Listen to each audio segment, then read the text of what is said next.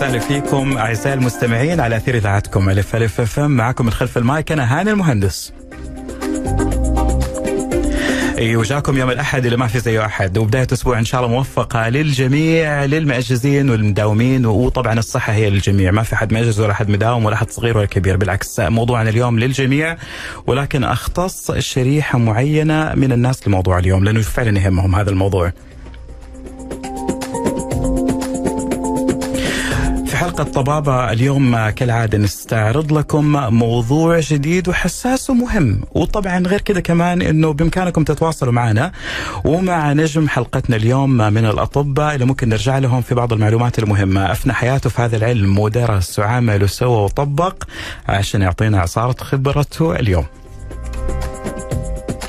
طيب بس أذكركم كيف ممكن نتواصل مع بعض عن طريق واتساب إذاعة ألف ألف أف إم. كل اللي عليك تكتب سؤالك وترسله بالواتساب وإن شاء الله بإذن واحد أحد ضيفنا اليوم ممكن يجاوبك عليه على صفر خمسة خمسة ستة ستة ثمانية تسعة صفر صفر واحد. طيب أنا بعيد الرقم بس مرة ثانية صفر خمسة خمسة ستة ستة ثمانية تسعة صفر صفر واحد. طيب موضوعنا اليوم الزراعة لمرضى السكر. نعرف أنه يؤثر السكري بشكل سلبي على صحة الفم أو حتى الأسنان. ويعاني كثير من المرضى مع الأسف الشديد من خلخلة الأسنان وبعدين ممكن تطيح في أحيان كثيرة. هذا الموضوع يخلي الواحد أنه بحاجة أنه يركب أسنان تعويضية. ولكن سؤالنا اليوم هل يمكن زراعة الأسنان لمرضى السكري؟ طيب عشان يجاوبنا أكثر عن هذا الموضوع حيكون معانا ومعانا هو فعلا الأستاذ الدكتور أيمن عثمان جوهر استشاري تركيبات وجراحه اللثة وزراعة الأسنان. أقول لك يا هلا وسهلا فيك حياك الله منورنا اليوم في الاستوديو. الله يحييك والله يبارك فيك وشكرا للمستمعين على إذاعة ألف ألف الاذاعه العريقة. الله يعطيك العافية يا رب دكتور. دكتور إحنا نبغى نقول هذا السؤال طبعا من البداية. هل هل هل بالإمكان زراعة الأسنان لمرضى السكر؟ إحنا بنتكلم عن زراعة ما بنتكلم عن اسوان تعويضية حشوة أشياء يعني سطحية. بنتكلم عن زراعة وشيء شوية عميق. أول شيء بسم الله الرحمن الرحيم. نحيي مستمعينا على هذا الإذاعة ونقول لهم كل سنة وأنتم طيبين. آه هذا الموضوع موضوع حساس جدا واللي هو زراعة الأسنان في مرضى آه مصابين بمرض السكري سواء كان آه المرض السكري الأول أو الثاني. آه طبعا هناك يعني فحوصات لازم المريض يقوم بأدائها قبل أداء عمل زراعة الأسنان ومن هذه الأرقام أرقام الفحوصات والتحاليل الذي يقوم بها المريض ممكن نصل إلى نتيجة هي هل هو يعني المريض هذا ممكن نعمل له زراعة أسنان أو ممكن ينتظر لما يظهر أرقام كويسة وبعدين يتعمل له زراعة الأسنان. يعني كأنك أنت بتقول دكتور أيمن الزراعة ممكنة ولكن بشروط. نعم. الشرط الأول طبعا إنه يشوف السكر التراكمي نعم. أو كلمنا أكثر عن هذا الموضوع لأنك أنت فعلا استشاري في الأسنان والتركيبات ولكن واضح من خلال كلامي معك تحت الهواء إنه ما شاء الله تبارك الله يعني متثقف بأقوى طريقة ممكنة فيما يخص مرضى السكر. كلمنا أكثر عن هذا الموضوع. أول حاجة مرض السكر بيأثر على الجسم كاملة ليش؟ لأنه الجسم كاملة يتكون من جزيئات اسمها كولاجين الكولاجين هذا موجود في كل جزء من أجسامنا موجود على الجلد موجود في الأوعية الدموية موجود في القلب موجود في الأسنان موجود في الأغشية المحيطة بالأسنان يعني الكولاجين وأنواعه كثير من واحد إلى 15 وفي isotype 16 و17 فتركيبة الكولاجين هو تقريبا عن بروتين لكن تدخل في تركيبته بعد إخراجه من الخلية مادة الجلوكوز والفركتوز اللي هي سكر. فيتم إضافة المادة هذه في حاجة اسمها post translation modifications اللي هو تقريبا إضافة جزيء السكر إلى البروتين. بعد كذا الإضافة هذه تكون إضافة دقيقة جدا بأعداد يعني محسوبة جدا بالنظام الإلهي. إذا تغير هذا النظام وبدأ المريض يأكل عدد كبير وجزء كبير من السكر تبدأ تنضاف جزيئات سكر إلى مادة الكولاجين ومن هنا يختلف النظام.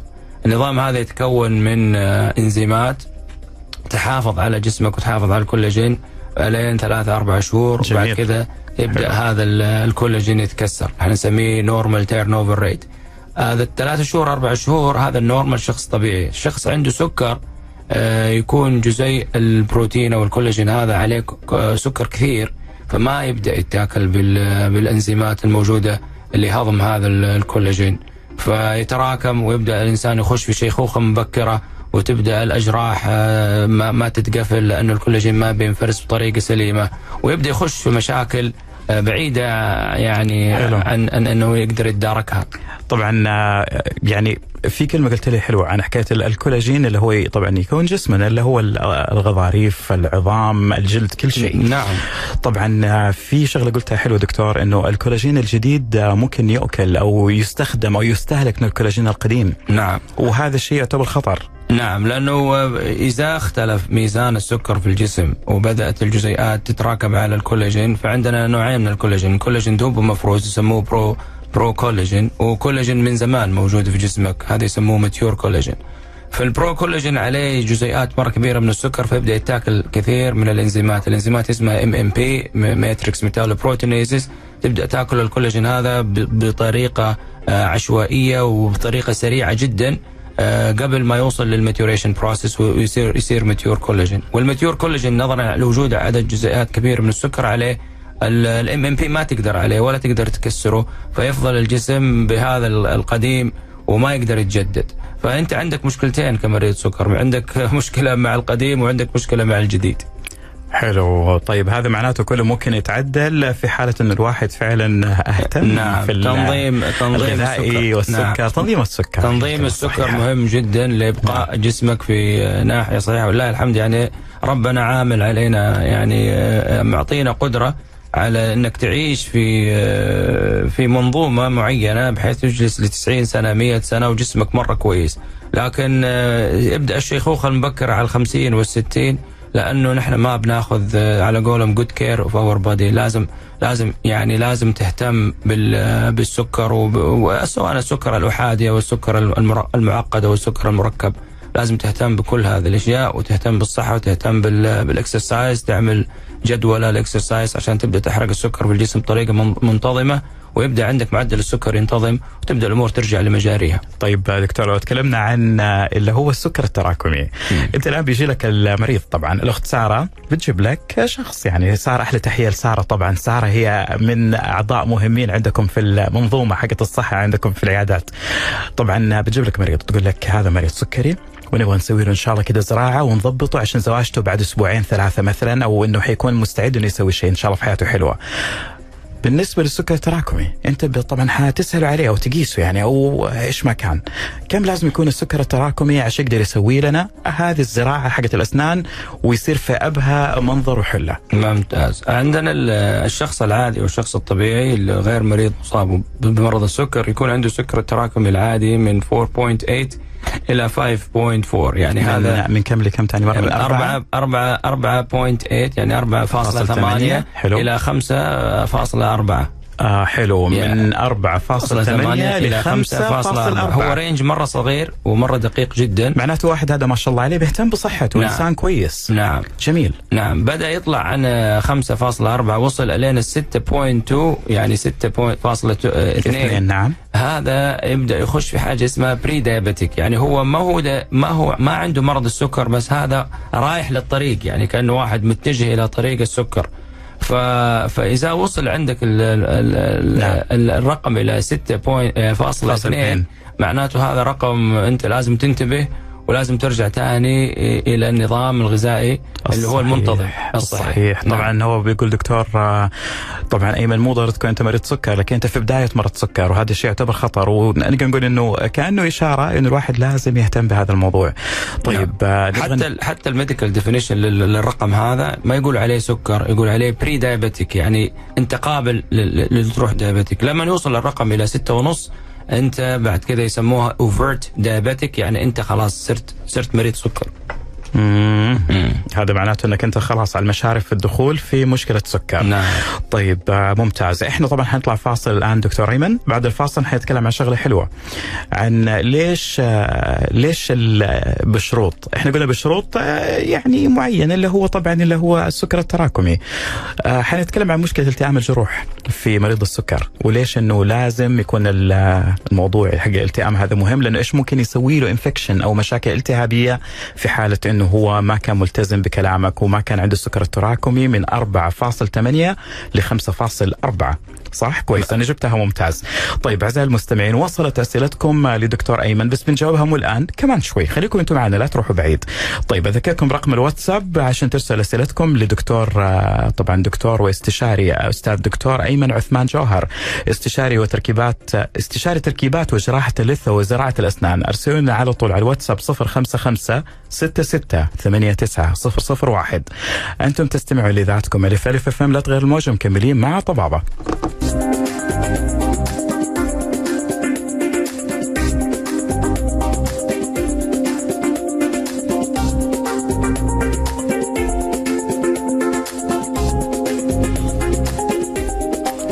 طيب لسه مكملين معاكم أعزائي المستمعين في برنامج طبابة على أثير إذاعتكم ألف ألف أف أم وبرنامجكم الطبي الأول في أثير إذاعتكم ألف.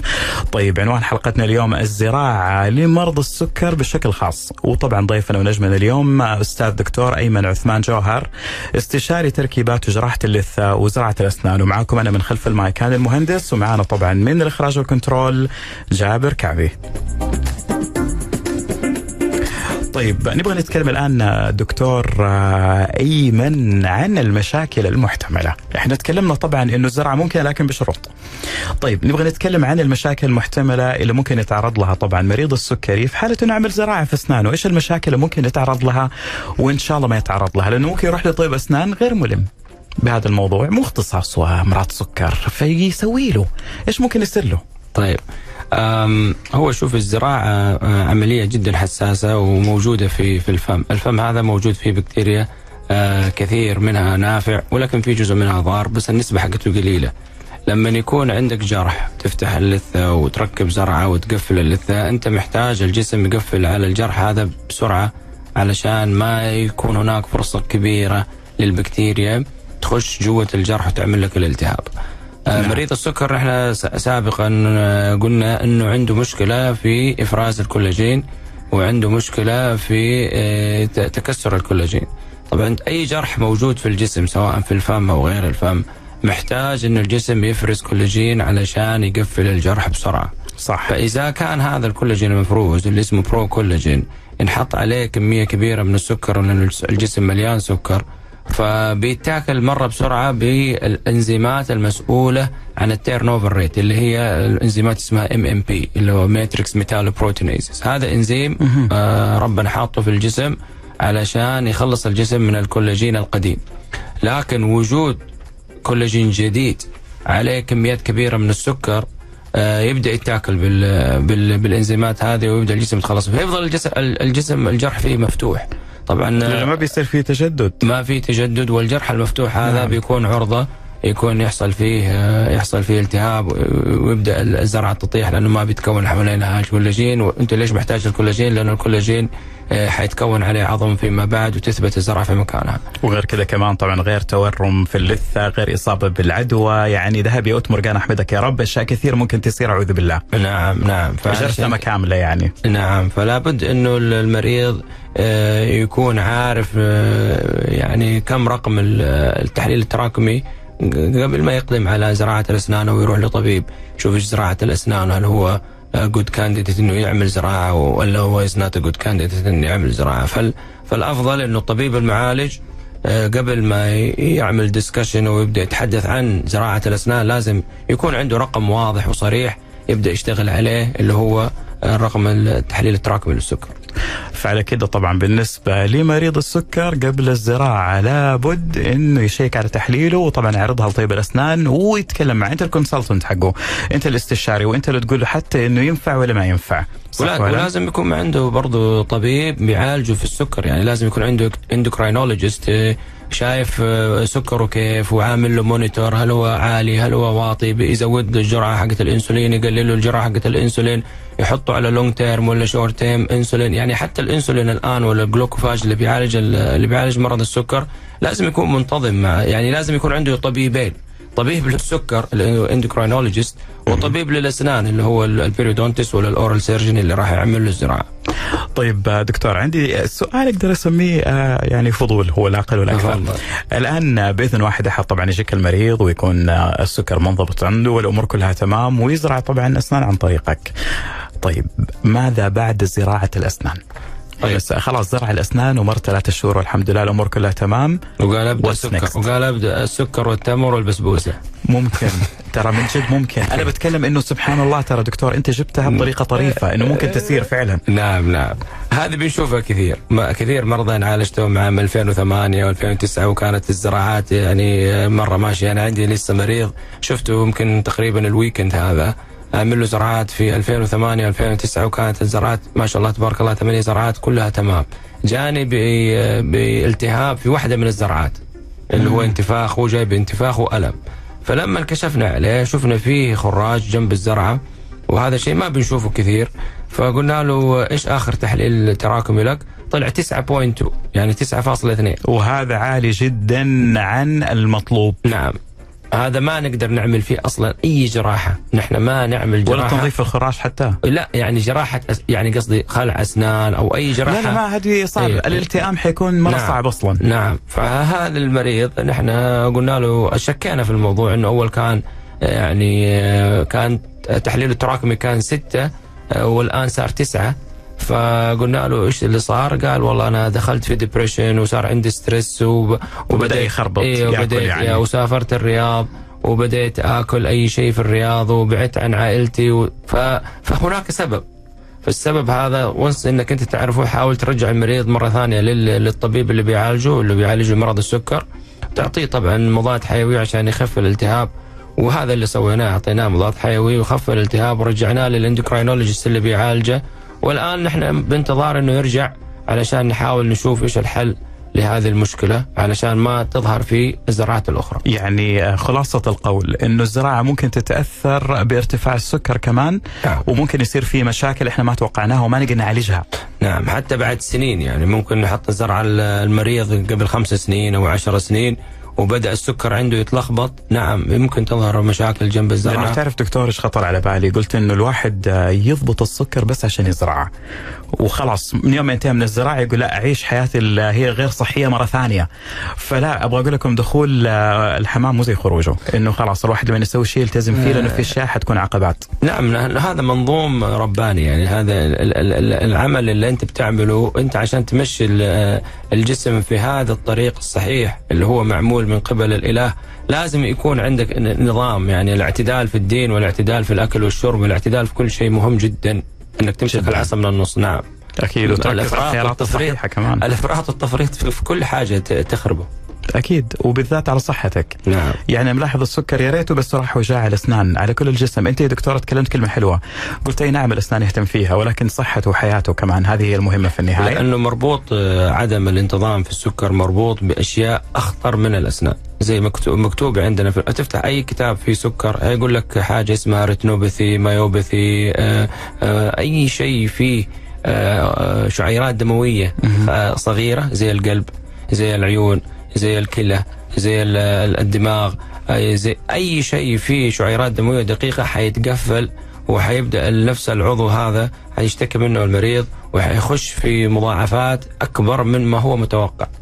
وإن شاء الله بإذن واحد أحد الصحة للجميع وما حد محتاج هذا الشيء بس أتوقع الواحد لو عرف مصلحة نفسه وعرف إيش النتائج اللي ممكن تجي له أتوقع حيسمع الكلام ويسوي أفضل ما عنده إن شاء الله. والله نحن بن يعني بنقوم بتوعية لجميع المرضى ولجميع الطلاب اللي بندرسهم جامعة الملك عبد العزيز إنه إنه مرض السكر آه، أول شيء يهتم في أكله مو علشان الأسنان يهتم في أكله علشان تكون صحته كويسة ويقدر يمارس حياته بصورة طبيعية ويبدأ يكمل حياته آه، وإن شاء الله أموره طيبة في الأسنان إذا اهتم في الموضوع ده. آه طيب دكتور أيمن آه، في سؤال قد يكون ملفت فعلا حنسالك هو الآن من أحد المرضى طبعا الأستاذ جابر. يا هلا وسهلا فيك أخوي جابر. يقول لك دكتور عملت زراعة أسنان من مدة طويلة يعني مو قصيرة شكلها أكثر من سنة بس في مشكلة صارت عنده إنه صار في التهابات شديدة باللثة وتكون صديد فيها. هل هو مريض سكر ولا لا؟ هو مريض سكر. هو مريض سكر فعلا وهذا شيء جديد بعد الزراعة بفترة طويلة. يقول المشكلة صارت مو في ال- طبيعي مو في الأسنان زراعة. صارت في اللثة بس صار في التهابات شديدة وصديد. ويقول إنه راح الدكتور الدكتور قال له ما حيقدر يسوي لك شيء في الموضوع. آه، لا هو له علاج بس لازم أتوقع يروح اختصاصي لثه الآن نعم يختلف يعني الوضع، نحن- مو أسنان. يعني نحن كل المرضى اللي تظهر عندهم مضاعفات على الزراعة حتى بعد يعني حتى بعد حين يعني بنكون سنة أو سنتين نعم. لها طريقة علاج بس علشان يكون العلاج هذا كامل لازم يكون المنظومة الداخلية كويسة. يعني لازم يكون ال- ال- السكر التراكمي حقك آه، في رقم معقول. يعني أنا ما أقول لك آه، 4.8 هذا خلينا نقول خلينا نقول خمسة ونص. خلينا نقول لين ستة. خلينا نقول ستة. ستة نعم. لأنه جدا صعب أنك تنزله من تسعة أو من عشرة تنزله لخمسة. مرة صعب. فعلشان كذا نعم. يعني هذا هذول النوع من المرضى إحنا لا- لهم لهم طريقة علاج آه، يضبط السكر ويسوي تنظيف لل- للزرعات وإن شاء الله أموره ترجع طيب. وإن شاء الله مو مشكلة كبيرة بس أهم شيء تلاقي الدكتور الملائم صح ولا؟ نعم. هذا هو. دكتورك ما قدر معناته بيديك الإشارة الخضراء إنك تروح لحد ثاني. هذا هو. فأقول لك جابر يلا بالعافية إن شاء الله. وبعدين سبحان الله رب ضارة نافعة. عشان الواحد يتعلم على مصلحته من هذه الأشياء الخطا إحنا مكملين مع أستاذ دكتور أيمن عثمان جوهر استشاري تركيبات وجراحة اللثة وزراعة الأسنان. وأذكركم بالواتساب للي حاب يرسل رسالة للدكتور أيمن على 055 66 89 001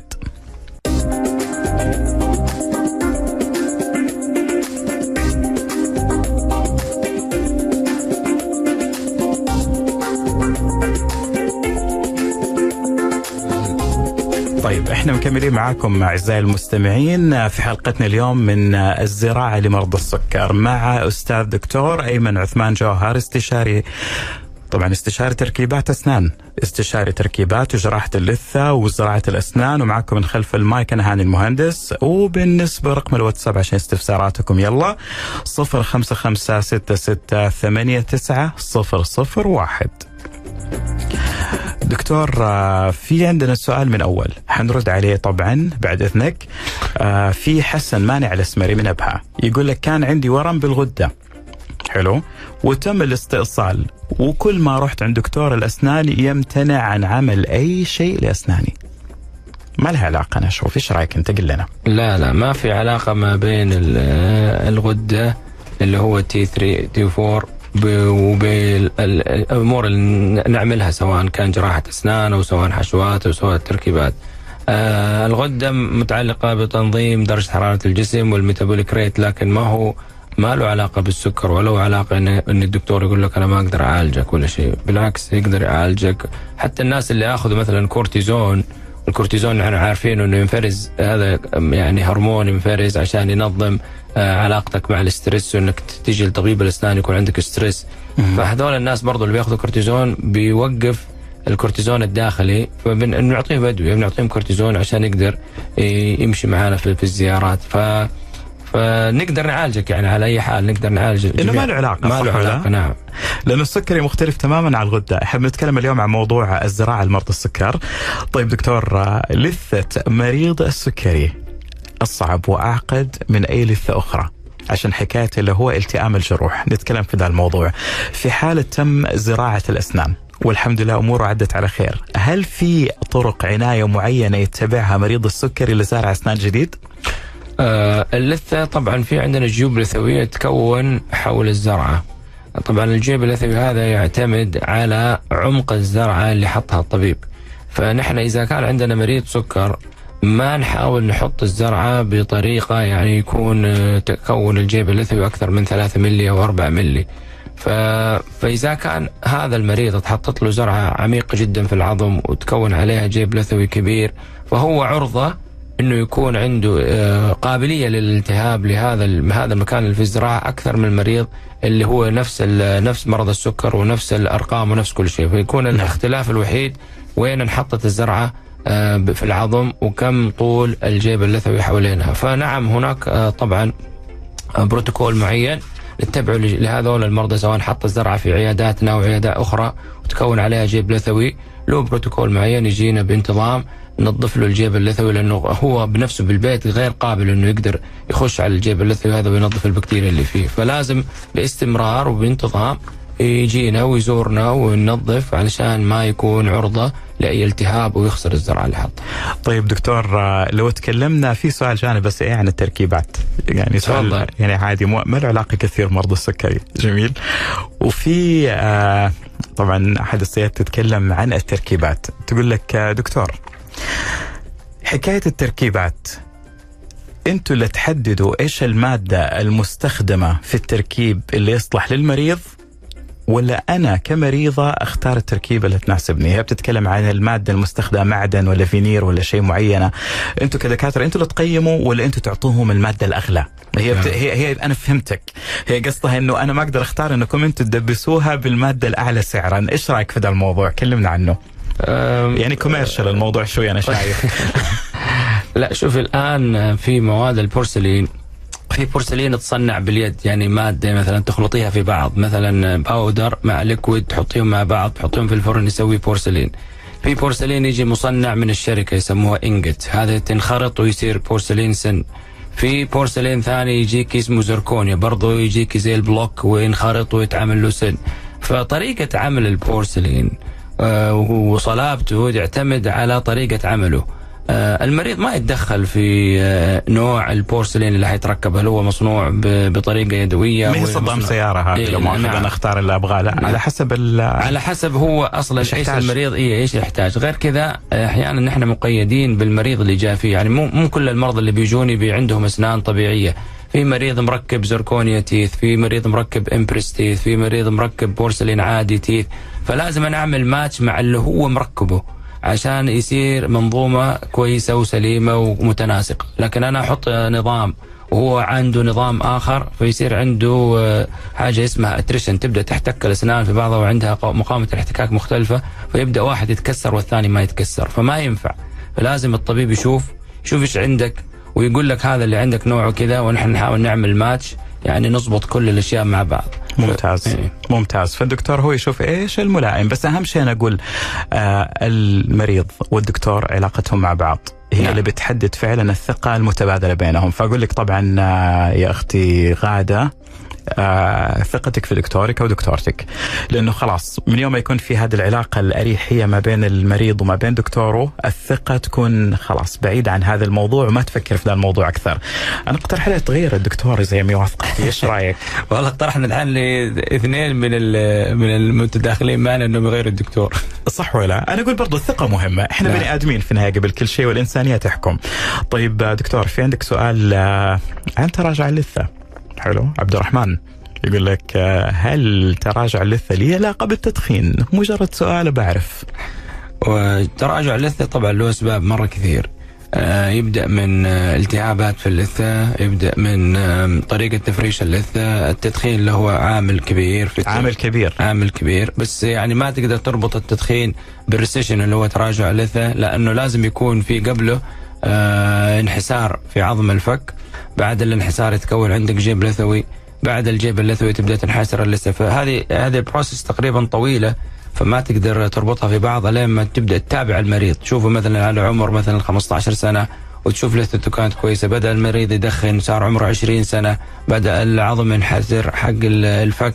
بعد كده تقيس له الجيوب اللثوية تبدأ تكبر. بعد كده يجيك على عمر 25 تشوف اللثه انحسرت كده تقدر تربط انه التدخين كان سبب. لكن وجود بكتيريا مترسبة على الجذور تسبب التهاب. الالتهابات هذه ينحسر عليها العظم والعظم بعد كده يبدأ اللثة تنحسر. السبب الآخر هو ممكن ما يكون له علاقة بال- بالالتهابات ولا له علاقة بالتدخين. أحيانا يكون مريض عامل تقويم وال- والدكتور حق التقويم بدأ يحرك الأسنان في اتجاهات آه، ما هي صحيحة. ويبدأ ذوبان اللثة ويبدأ ذوبان العظم ويبدأ الانحسار في اللثة وتبدأ المشاكل. فأحيانا يكون شيء له علاقة بالأمراض وأحيانا يكون شيء ما له علاقة بالأمراض كالتفريش أو تحريك الأسنان بالتقويم. حلو. فالتدخين عامل كبير ولك ولكن مو عامل أساسي. مو إنه شيء مرة 100% الواحد يعتمد عليه في حكاية ال- التراجع حق اللثة. هذا موضوع بحد ذاته. أنا أشوف إن نمسك إحنا في المستقبل نتكلم عنه دكتور لأنه هذا لوحده يعتبر عالم آخر. اللي هو نعم. اللثة ومشاكل اللثة. طيب دكتور بالنسبة في سؤال من من الأستاذ أحمد. حلو أحمد من المدينة المنورة. يسألك سؤال لطيف بصراحة. السؤال حقه يقول أنا عملت مريض سكري. محافظ.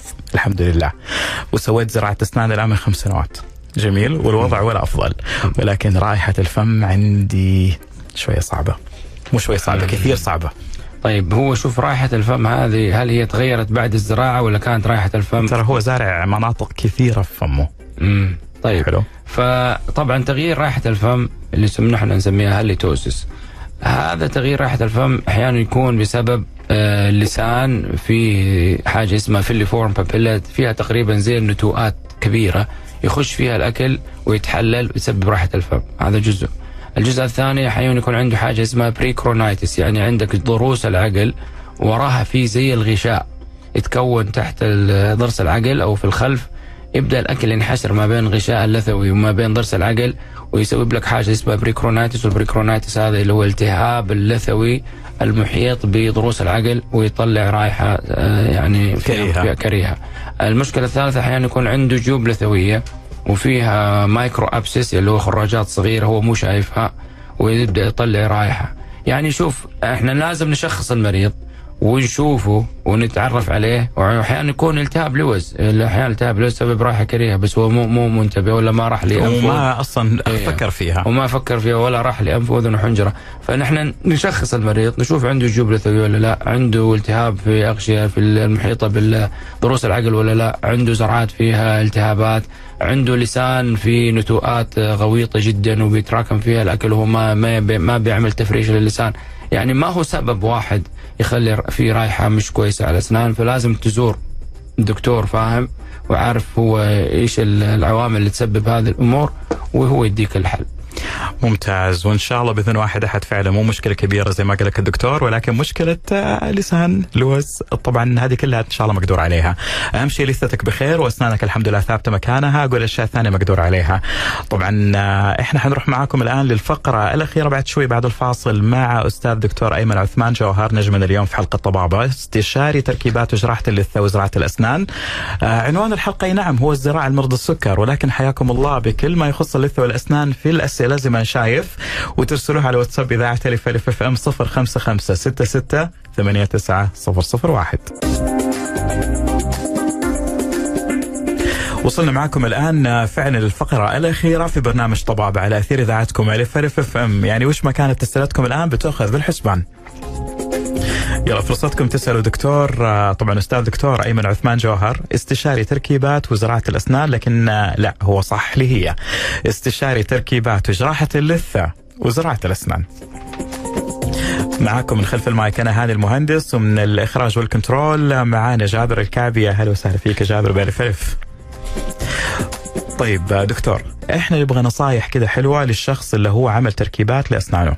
حلو عموما. بس حنبداها إحنا بمرضى السكر اللي عمل زراعة كده ما شاء الله تكللت بالنجاح. حلو؟ وش اللي يسوي بعد كده؟ هل يتابع مع الدكتور بانتظام؟ هذا السؤال رقم واحد. في بعضهم يعملوا التركيبة ما يروح للدكتور غير لما يصير في مشكلة معينة أو مشكلة كبيرة وممكن حتى متقدمة. فإيش تنصح الناس اللي عملوا التركيبات بشكل عام ومرضى السكري بشكل خاص؟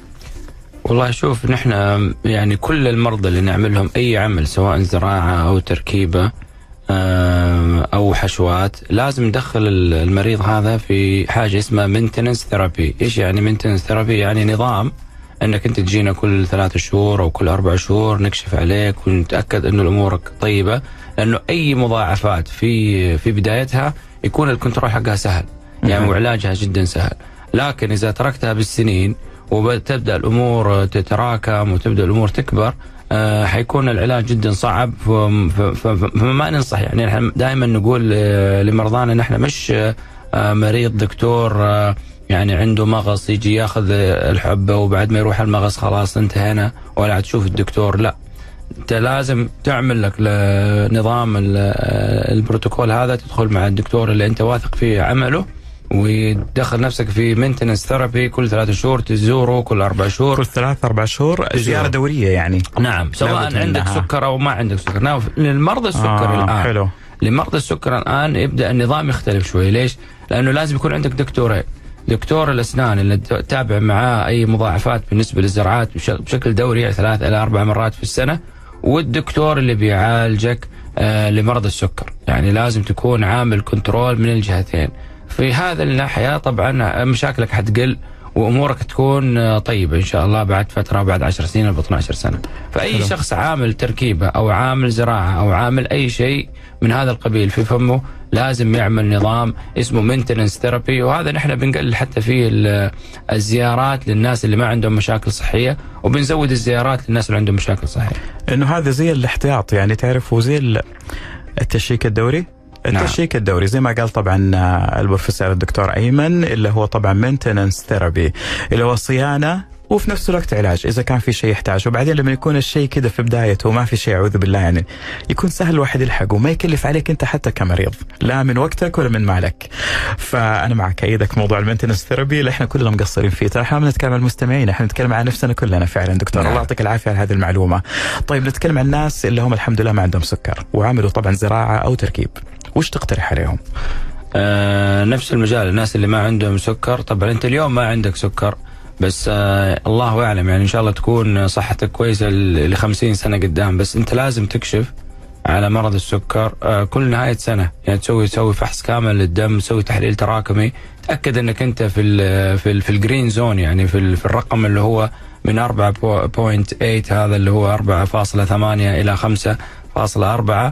وتبدأ تشيك. سنويا يكون عندك طبيب endocrinologist يعني طبيب حق سكر تتعالج معاه.